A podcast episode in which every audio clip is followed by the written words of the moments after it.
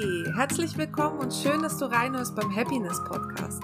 Ich bin Melanie, Gründerin von Happy M und in meinem Podcast erhältst du wertvolle Tipps rund um das Thema Happiness in der Arbeitswelt und im Leben allgemein. Und ich nehme dich regelmäßig mit auf meiner ganz persönlichen Reise als Mensch, Unternehmer, systemischer Coach und HR-Berater. Egal, ob du auf der Suche bist nach deiner persönlichen Balance im Leben oder dein Traumleben bereits führst. Hier ist für jeden was dabei. Möchtest mehr Infos zu mir und Happy M? Dann schau doch mal auf meiner Homepage vorbei. Und du findest mich auch auf den gängigen Social Media Kanälen Insta, Facebook und LinkedIn. Ach ja, und vergiss nicht, meinen Podcast zu abonnieren. So kannst du sicher sein, dass du keine Folge verpasst. Und jetzt wünsche ich dir ganz viel Hörfreude und neue Impulse mit dem Happiness Podcast. Hallo ihr Lieben, es ist wieder Freitag, Freitag neue Folge des Happiness Podcast. Ich hoffe, du hast eine schöne Woche gehabt und hast dem grauen Herbstwetter ein bisschen getrotzt.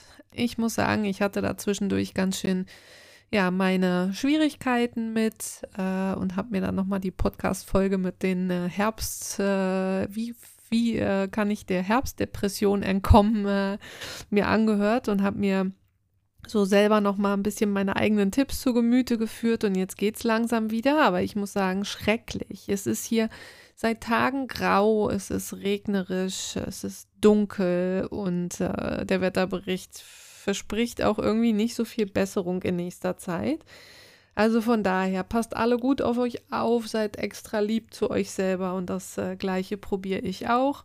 Hm, heute wollte ich euch eigentlich gerne mal mitnehmen in meine persönliche Reise als Unternehmer und äh, wie es da überhaupt so gekommen ist.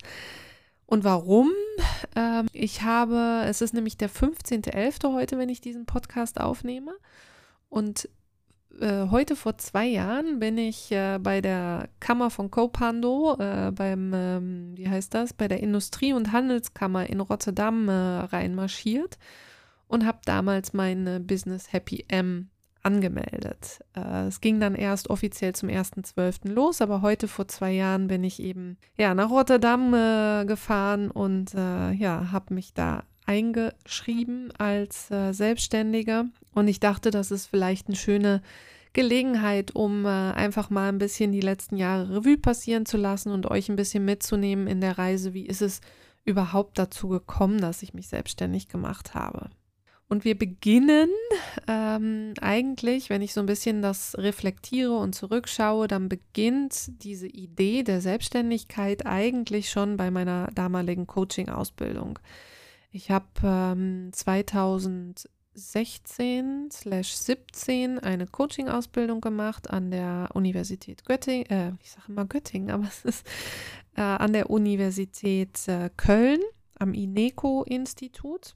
Und diese Ausbildung, die dauert zehn Monate und da wird man eben als äh, systemischer Coach ausgebildet, äh, kriegt jedes Handwerkszeug, äh, theoretischen Hintergrund, psychologischen Hintergrund, ähm, sodass man hinterher in der Lage ist, auf professionelle Art und Weise Gruppen und äh, ja, Einzelpersonen zu coachen. Und ich muss sagen, das war ja auf der einen Seite super, super, super interessant inhaltlich, um da mehr über das ganze, über die ganze Coaching-Materie zu lernen. Auf der anderen Seite war das auch die heftigste und äh, tiefgreifendste persönliche Entwicklungsreise, die ich bis dato mitgemacht hatte. Ähm, ich habe davor immer schon mal irgendwie, ich habe mich immer für persönliche Entwicklung interessiert. Ich habe auch eine Zeit lang Wirtschaftspsychologie studiert. Ähm, also ich habe und in meinem HR-Job natürlich auch immer mit Menschen und äh, wie ticken Menschen und wie ticken Teams äh, zu tun gehabt. Auch persönliche äh, Entwicklungstrainings besucht, äh, alles Mögliche. Aber diese Coaching-Ausbildung, die war eben, ja, das war, weil wir mussten natürlich, ne, du bist dann, wirst dann als Coach ausgebildet, aber wir mussten dann eben auch da immer live üben. Das heißt, manchmal bist du der Coach und manchmal bist du der Coachee, der Klient, der dann sein eigenes Thema auch wirklich einbringt und gecoacht wird. Und äh, ja, das waren äh, in zehn Monaten ziemlich viele Coachings, die ich da äh, mitmachen durfte und äh, wo ich da gecoacht worden bin von ganz tollen Kollegen. Und damals habe ich eigentlich schon ganz viel äh, das Thema für mich gehabt, wer bin ich eigentlich, was will ich eigentlich, was für ein Leben möchte ich leben, von was werde ich glücklich im Leben, was macht mich glücklich im Leben, was ist mir wichtig, was möchte ich beruflich mal machen, wenn ich groß bin. Ähm, also all diese äh, Fragen habe ich, äh, habe ich da ganz oft bearbeiten dürfen mit, ähm, ja, mit Coaches, die mich dann eben gecoacht haben. Und auf, ja, dadurch kam ich immer mehr, ja, sage ich mal, habe ich zu mir selber gefunden, was ist mir eigentlich wichtig im Leben, was, ähm, welche Kernwerte habe ich auch. Ja, ich erzähle da öfters auch in meinen Social Media Posts drüber. Ähm, habe da auch äh, ganz, ganz tolle Erfahrungen auch mit meinen Coaches, dass man, wenn man seine Kernwerte, also was finde ich wirklich wichtig im Leben, wenn man das für sich rausgefunden hat, dann hat man eigentlich einen mega Kompass für, ja, für alle Entscheidungen, die man trifft, weil man immer für sich selber abgleichen kann, passt das zu meinen, meinen persönlichen Werten, ja oder nein. Und äh, wenn es nicht passt und man äh, eigentlich zu lange gegen seine persönlichen Werte arbeitet, äh, lebt, Entscheidungen trifft, dann wird man so eine innerliche Inkongruenz, ne, nennen wir das im, im Coaching-Jargon, ähm, wird man da irgendwie merken, dass das nicht so ganz gut passt. Und ähm, naja, von daher, das habe ich also früher dann in diesen Coachings auch herausgearbeitet für mich, welche Werte sind mir wichtig. Ich mache da vielleicht, ähm, denke ich mal, eine ganz schöne Idee, auch nochmal einen anderen Podcast drüber, wo wir ein bisschen mehr in die Tiefe gehen. Wie könnt ihr für euch selber eure persönlichen Werte äh, rausarbeiten. Aber für heute würde das den Rahmen sprengen. Aber ich habe deshalb, ja, ich habe also ähm, ja selber diese Werte für mich herausgearbeitet und das waren dann, ja, ich möchte authentisch sein, ich möchte ich selbst sein, ich möchte ähm, Autonomie ist ein Riesenwert von mir. Also ich möchte frei meine Entscheidungen treffen, ich möchte, äh, bin selbstständig, möchte ich leben ähm, möchte nicht abhängig sein von jemandem. Äh, dann habe ich äh, viel äh, in Richtung Respekt, Vertrauen. Dann habe ich Neugierde, also immer wieder neue Dinge auszuprobieren, offen stehen für andere Dinge, andere Meinungen. Naja, das kam bei mir dann alles so hoch und ich fand es inhaltlich einfach so, so, so faszinierend, was Coaching kann. Und äh, ich wusste, ich habe hier meine Passion gefunden, ich habe meinen beruflichen In Lebensinhalt gefunden. Äh, hier will ich mehr mitmachen. Ich möchte Menschen begleiten auf ihrem Weg ja, zu, zu ihrem besten Leben. Also ihnen als, als Prozessbegleiter zur Seite stehen. Ja, Leuten, die nicht wissen, was sie wollen im Leben, die sich festgefahren fühlen, die ähm, äh, nicht wissen, was für einen Job finde ich eigentlich nice oder die morgens aufstehen und schon keinen Bock in den Tag haben und da aber was dran ändern wollen.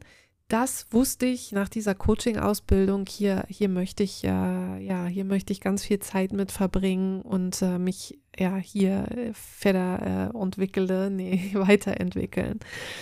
Ich habe mich aber damals, wie gesagt, das ist jetzt sechs oder sieben Jahre her, ich habe mich aber damals noch nicht getraut, in die Selbstständigkeit zu gehen und habe, naja, mit dem Kopf äh, rational mir irgendwie meine Pro- und Kontralisten aufgeschrieben und da kam am Ende des Tages dann äh, so Sachen raus wie, ja, du sprichst die Sprache noch nicht richtig in, in Niederlanden, du hast in Niederlanden eigentlich bisher nur international gearbeitet, hast gar kein richtiges Netzwerk in den Niederlanden, äh, wer, wer, ja, wer äh, will sich dann von dir coachen lassen und so weiter und so fort und äh, ja, habe mich dann doch dafür entschieden, um ja nochmal wieder in ein ähm, Angestelltenverhältnis zu gehen, habe schlussendlich auch, ich glaube, drei weitere Arbeitgeber dann noch äh, kennenlernen dürfen. Äh, will ich auch echt alles nicht missen.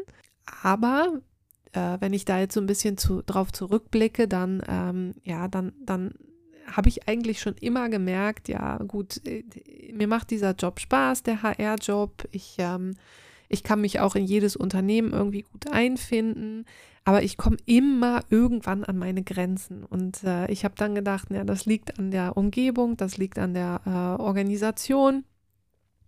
Und dann, äh, ja, ist dann die erste logische äh, Konsequenz, ja, dann gehe ich mal auf die Suche nach einem anderen Unternehmen, nach einer anderen Organisation, wo es dann vielleicht besser passt, bis ich dann schlussendlich auch da wieder ja dahinter gekommen bin, dass auch die Organisation wieder nicht hundertprozentig zu mir passt, weil ich einfach nicht der Typ bin, der 9 to 5 irgendwie einen Office-Job äh, machen will und der sich ähm, ja irgendwie in so ein Konstrukt Unternehmen äh, langfristig einbinden lassen möchte. Ich möchte frei sein, ich möchte meine eigenen Entscheidungen treffen, ich möchte, naja, äh, das, in ganz, ganz vielen tollen Unternehmen geht das bis zu einer bestimmten, bis zu einem bestimmten ähm, Maß, aber trotzdem ist es immer irgendwie, man hat immer irgendwie Rahmenbedingungen, an die man sich anpassen muss, in die man sich einfinden muss, muss äh, sich irgendwie auch seiner HR-Funktion entsprechend verhalten und naja, das habe ich dann halt immer mehr gemerkt, dass das, äh, dass das irgendwie doch nicht komplett zu mir passt und auch nicht zu meinen Werten passt, ne? Autonomie zum Beispiel. Ähm, ja, ich, ich wollte frei sein. Und äh, dieser Wunsch der, nach der Selbstständigkeit, der hat sich also immer mehr ausgeprägt, ausgeprägt, ausgeprägt. Und äh, ja, dann fängt man wieder an, habe ich wieder angefangen mit einer Pro- und Kontraliste. Ähm, ich habe auch einen, das ist, der ist nicht mehr so riesig, der Wert, aber es ist doch auch ein großer Antreiber bei mir, ist doch auch Sicherheit. Und wenn man ein großes Sicherheitsbedürfnis hat, dann ist natürlich der Schritt in die Selbstständigkeit schon eine Hausnummer. Und das ist wahrscheinlich auch der Treiber, der mich äh, jahrelang zurückgehalten hat, es nicht zu tun. Also ich habe natürlich schon meinen gut bezahlten Job hinter mir gelassen, äh, ein geregeltes Einkommen hinter mir gelassen. Ich äh, hatte ne, gutes Gehalt, ich konnte alles äh, tun, was ich wollte. Ich hab, ähm, kann in Urlaub fahren, wann ich wollte. Ich äh, ja, hatte einfach einen guten Lebensstandard, den man auch nicht einfach so aufgibt.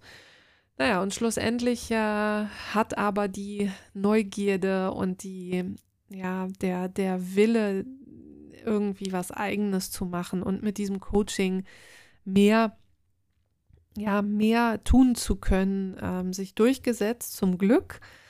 Und äh, habe ich mich eben damals entschieden und habe dann auch ziemlich rigoros. Ne? Es gibt, äh, gibt natürlich auch viele Leute, die das irgendwie erstmal parallel machen, die erstmal in Teilzeit arbeiten, probieren sich dann die Selbstständigkeit aufzubauen. Aber da bin ich dann auch irgendwie so ein Typ ganz oder gar nicht.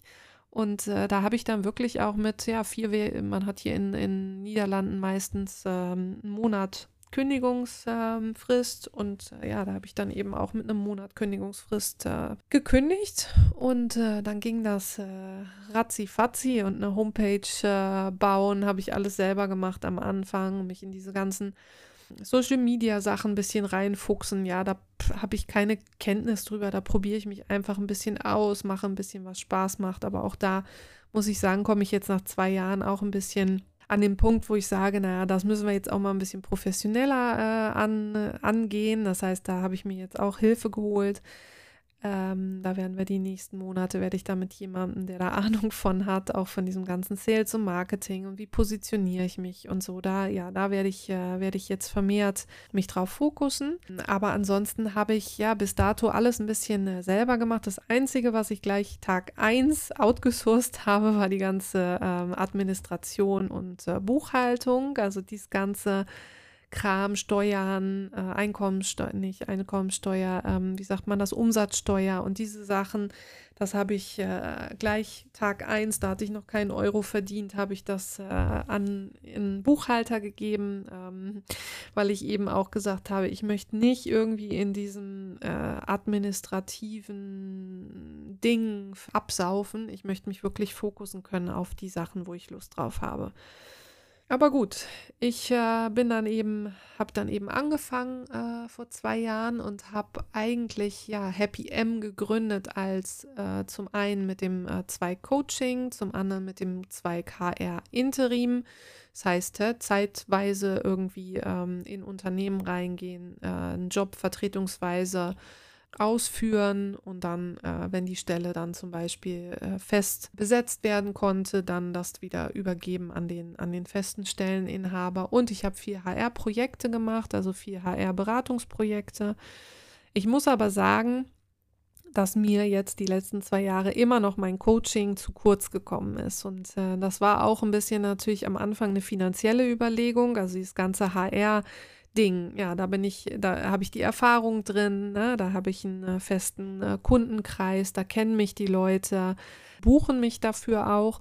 Das war erstmal das Einfachste, es bezahlt auch äh, gut und äh, ja, das ganze Coaching, das muss ich mir eben neu aufbauen. Coaching-Kunden, ähm, wie setze ich mich da in den Markt, wer ist mein idealer Kunde und all solche Sachen. Naja, und äh, da merke ich aber, dass ich jetzt immer mehr, immer mehr, immer mehr mich traue, meinem Herzen und meiner wirklichen Passion zu folgen. Und ich werde mich jetzt eben auch gerade in 2024 ähm, so viel wie möglich äh, versuchen, in, auf Coachings zu richten. Da habe ich richtig, richtig Lust drauf. Ich werde äh, weniger HR machen. Wahrscheinlich werdet ihr auch auf den Social Media äh, Kanälen da äh, in nächster Zeit äh, ein bisschen eine Veränderung im Fokus sehen.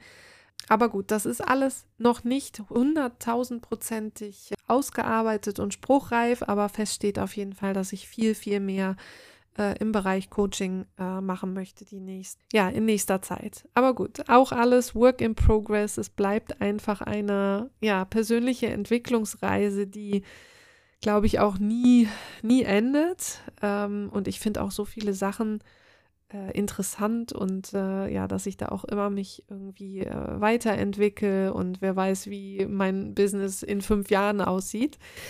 Ähm, ich muss schon sagen, dass ich äh, super äh, diese Freiheit genieße. Mir macht das richtig Spaß als, ja, als Selbstständige. Diese komplette Freiheit, äh, meinen Tag selber einteilen mein eigenes Ding tun, äh, Ding tun, Ding machen und äh, ja, mein Leben und meine Arbeit so planen können und ausführen können, wie ich das gerne möchte. Und äh, klar ist das auch immer noch irgendwie, muss ich auch erstmal finanzielle Freiheit erarbeiten.